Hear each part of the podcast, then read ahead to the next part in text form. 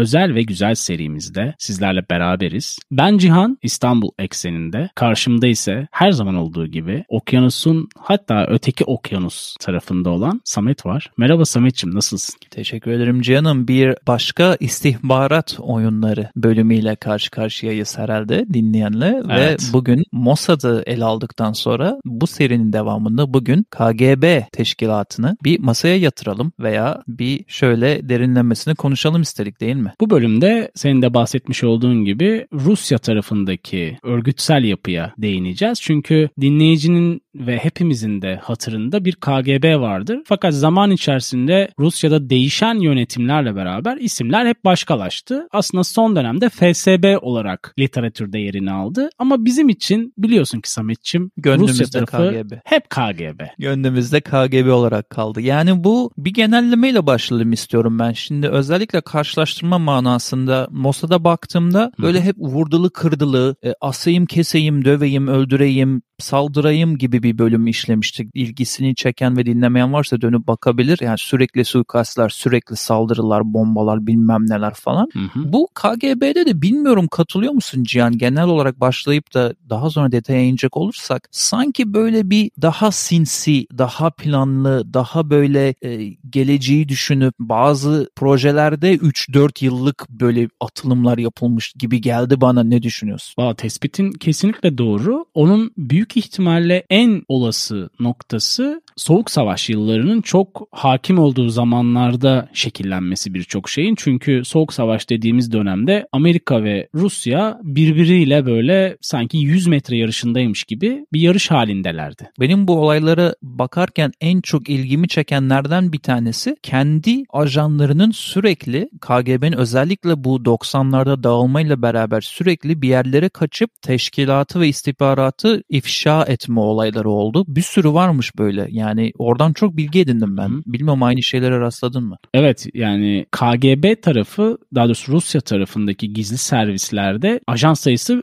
bilinmiyor. Daha önceki yaptığımız bölümde Mossad bölümünde değinmiştik hani yaklaşık olarak şu kadar sayıda diye. Bütçe olarak da bilinmiyor. Bir kapalı kutu gizli servisten bahsediyoruz. Baktığımız zaman da en aktif olduğu zamanlar 1954'ten 1991 senesine kadar olan bölüm diye düşünebiliriz sevgili dinleyici. Sovyetler Birliği döneminden bahsediyoruz aslında. Bu büyük birliğin olduğu zamanlar hem bir istihbarat hem de bir gizli polis gücü olarak çalışmış o dönemlerde. Hem ülkenin içerisinde aktif olup aynı zamanda ülke derken Rusya tarafı ve ayrıca Sovyet bloğunda da farklı şekillerde vücut bulmuş. Fakat biraz önce de ifade ettiğim gibi Mossad'dan farklı. Şöyle farklı. Daha çok iç meselelerle ilgilenmişler. Tabii ki Soğuk Savaş yıllarıyla beraber ki 2. Dünya Savaşı'nı da göz ardı edemeyiz. O dönem inanılmaz bir yarış var ki o dönemki ajanlar Samet, Amerika, Fransa ve İngiltere'nin Sovyet ordusu hakkında bildiklerinden çok daha fazlasını biliyorlarmış. Çünkü her zaman korkulan şey olmuş o dönemlerde ve Rus ajanları bu ülkelerin içlerine kadar girmiş. Evet kendi ajanlarının böyle yerlere sızmasında çok başarılıyken aynı zamanda başka ülkelerin kendi e, vatandaşlarını da ideolojik açıdan ikna edip KGB için çalışmaya da yöneltmiş. Yani çift taraflı bir başarı var orada. Hem Ruslar çıkıp diplomat görüntüsüyle ajanlık yaparken hem de mesela Fransa'da 35 tane tecrübeli politikacının daha sonrasında KGB için Soğuk Savaş zamanlarında çalıştığı ortaya çıkıyor. Bu tarz böyle iki yönlü bir çalışması olmuş KGB'nin. Sen iç dedin ben de biraz daha dışa yoğunlaşmıştım. Neler yapmışlar başka ülkelerde diye. Bu iç kesimde nasıl bir aktivitede bulunmuş KGB. Biraz istiyorsan dinleyelim senden meraklandım. Şimdi o dönem Sovyet bloğunun bir arada tutulması gereken dönemlerdi hatırlarsın. Bilinen aslında en böyle ikonik olay Prag Baharı. Şimdi 1968'de meydana geliyor ve Çekoslovakya'nın yönetilme biçiminde değişikliğe sebep oluyor. O dönem Sovyetler kontrolü yeniden ele almak için ve Komünist Partisi'ni aktifleştirmek için şiddet içermeyen böyle protesto eylemlerini düzenleyenleri ortadan kaldırma yoluna bile gitmişler. Öyle olaylar olmuş. KGB tarafının en ayırt edici özelliği bu son belki de onlardan sonra daha da aktifleşen bir taktik olabilir. Muhalif muhalif grupların arasına sızıp ajan provokatör olmalarıymış Samet. Ki bunu blok içerisinde çok yapmışlar. Bunu Polonya'da da denemişler ve aslında çok da başarılı olamamışlar dönem içerisinde. Ve zaten 91 ile beraber başka bir yola doğru ilerledi Rusya. Hani bir demokratikleşme vesaire süreçlerine girdi ki seninle konuşmayı düşündüğümüz ileriki bölümlerden birinde de dinleyici bizi yakalarsa çok da başarılı olduklarını da söyleyemeyiz.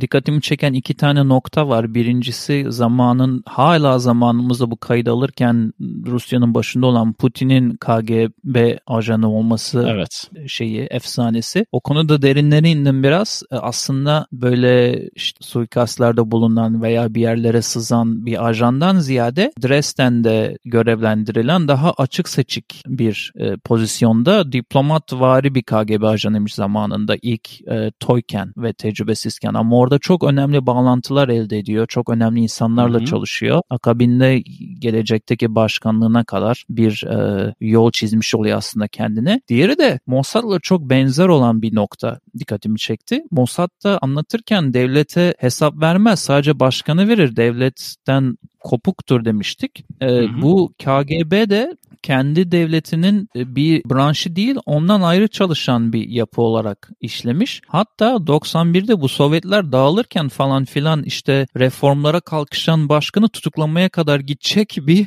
güç e, görmüş kendine KGB teşkilatı. O bakımdan da e, biraz dinleyiciye anlatmak babında ne kadar güçlü olduklarını göstermek için bunları bahsetmek istedim. Ya genelde gizli servislerin rolleri bu şekilde gördüğümüz kadarıyla. Ya KGB'nin en önemli özelliği ya da rolü diyebiliriz. Hani birinci rolü komünizm karşıtı siyasi veya dini fikirleri destekleyen muhalifleri işte tespit edip sonrasında onları bir şekilde susturarak muhalefeti ortadan kaldırmak. Hatta dindarları da değil mi? Komünizmden Tabii. dolayı e, dindar insanları da avlama şeklinde bir Hı-hı. dönem olmuş KGB'nin Rusya içinde değil mi? Aynen öyle. Bunun en belirgin dönemi aslında Stalin'in Rusyası. O dönemleri biz tabii ki kitaplardan okuduğumuz kadarıyla biliyoruz ama anlatılan o dönem işte Sovyetler Birliği'ne bağlı olan devletlerin hepsini demir bir yumrukla yönettiği ifade edilir hep ve ülke içindeki muhalifleri öldürücü yollarla bastırdığı hep söylenir. Hatta çoğu insanı Kırım'dan Avrupa'nın çeşitli noktalarına sürdüğüyle ilgili çok hikaye vardır ve bu insanlar Türk kökeni olan insanlar. Ben biraz dışarıya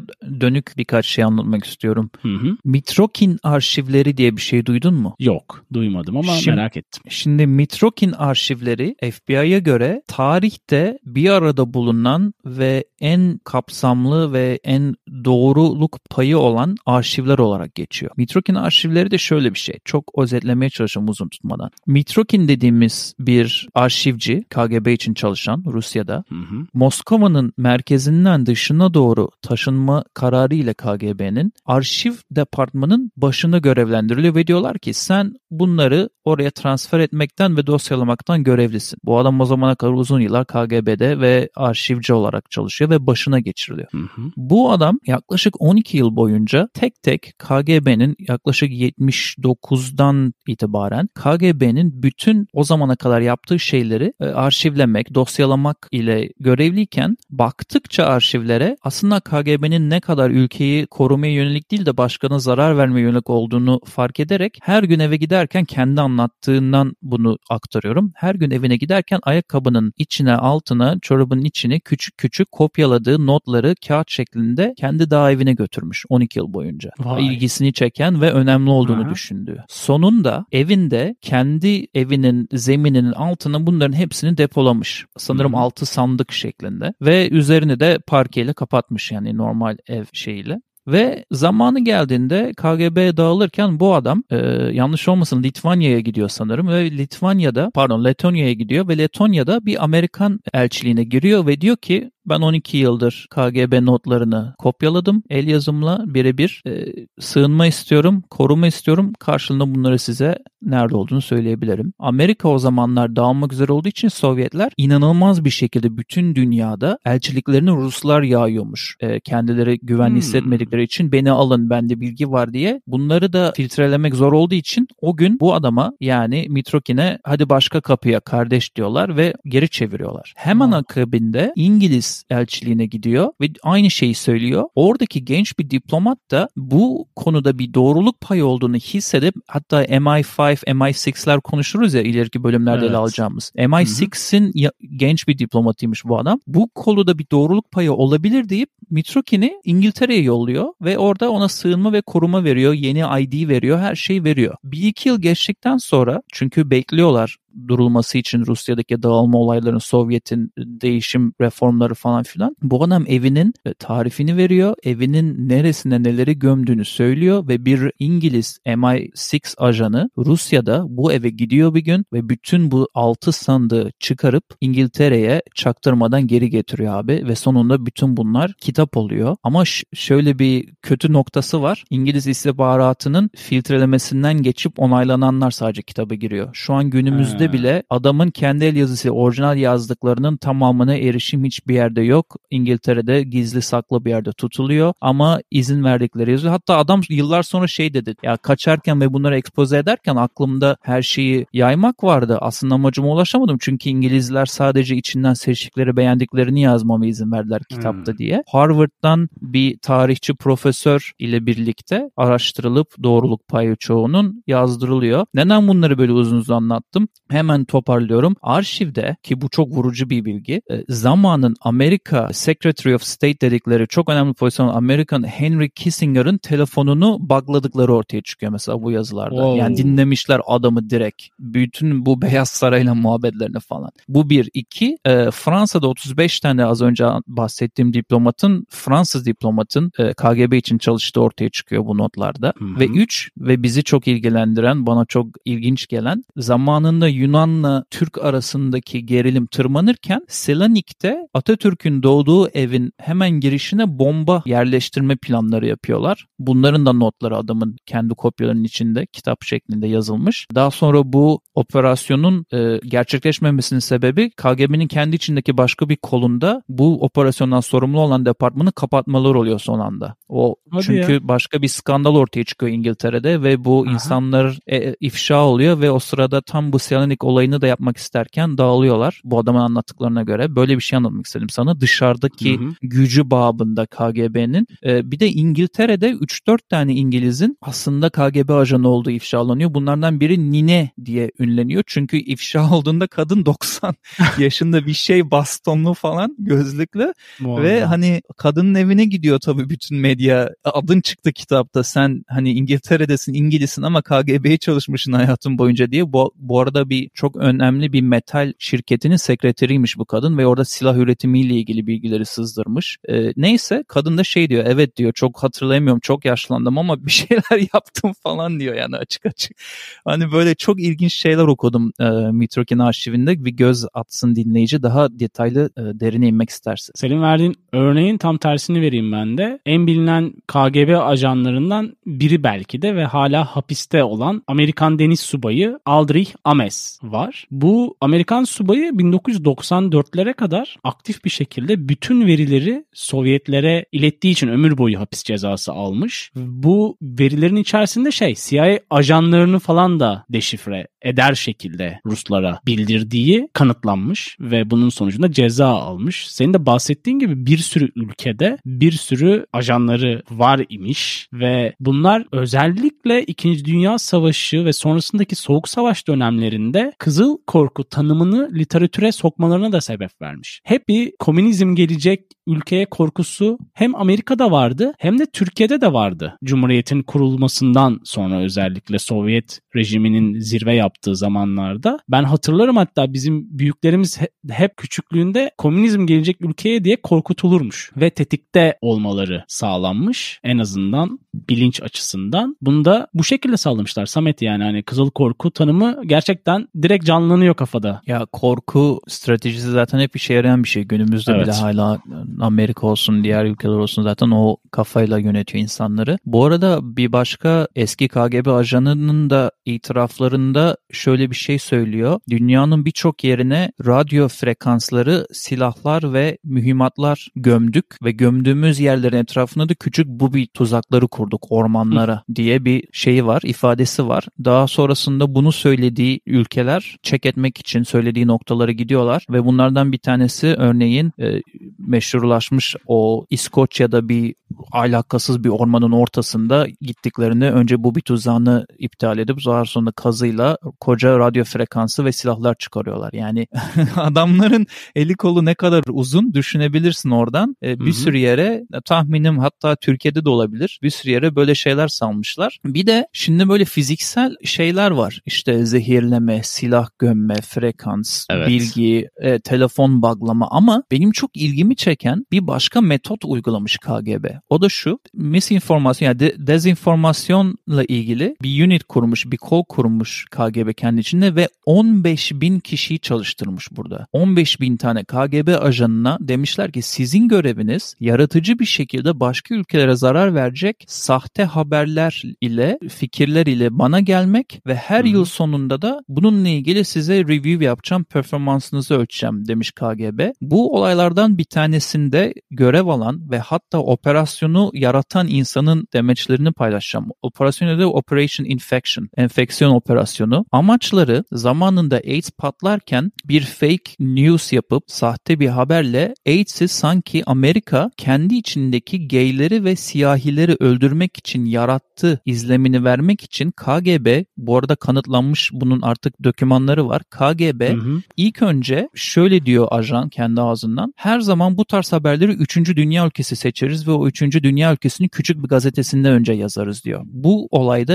Hindistan'ı seçiyorlar ve Hindistan'ın alakasız bir gazetesinin köşe yazısında ilk defa dünyada AIDS Amerika'da laboratuvarda üretilmiş ve gayleri siyahi insanları öldürmek için salınmış bir virüstür diye yazıyorlar. Bundan 6 ay sonra Moskova'da ulusal televizyon Hindistan'daki haberi baz alıp böyle bir haber çıkmış Hindistan'da böyle bir şeyin gerçekliği olabilir mi acaba diye Rusya'ya salıyor Hı-hı. ve Rusya'nın attığı yem tutuyor. Bundan birkaç ay sonra Amerika'nın ulusal televizyonunda kendi ana haberinde bir Amerikalı adamın YouTube'da şu an izleyebilirsin. Amerika'ya duyurduğu işte Rusya'da böyle bir haber çıktı. Bak nasıl bu arka arkaya gördüğün gibi domino taşı gibi gidiyor. Evet. İşte Rusya'da bir haber çıktı. Biz üretmişiz. Hatta laboratuvarına kadar suçlamışlar. Maryland'de bir yerde üretildi diye. Ee, Amerika ulusal televizyonunda bu anlatılıyor ve daha sonrasında Amerika'da bununla ilgili soruşturma başlatılıyor. Acaba biz gerçekten bunu yaptık mı kendimiz diye. Bu kadar dezenformasyona hakim bir KGB teşkilatı varmış. Bana çok ilginç geldi. Yani ne bir silah kullanıyorsun, evet. ne bir zehir, ne bir insan. Yani bir yere bir şey atıyorsun. Şimdi bunları niye anlatıyorum? Türkiye'de ve dünyanın her yerinde çıkan haberleri bir düşün. Bir sürü yazarlar hı hı. KGB tarafından satın alınmış. Bir sürü haberler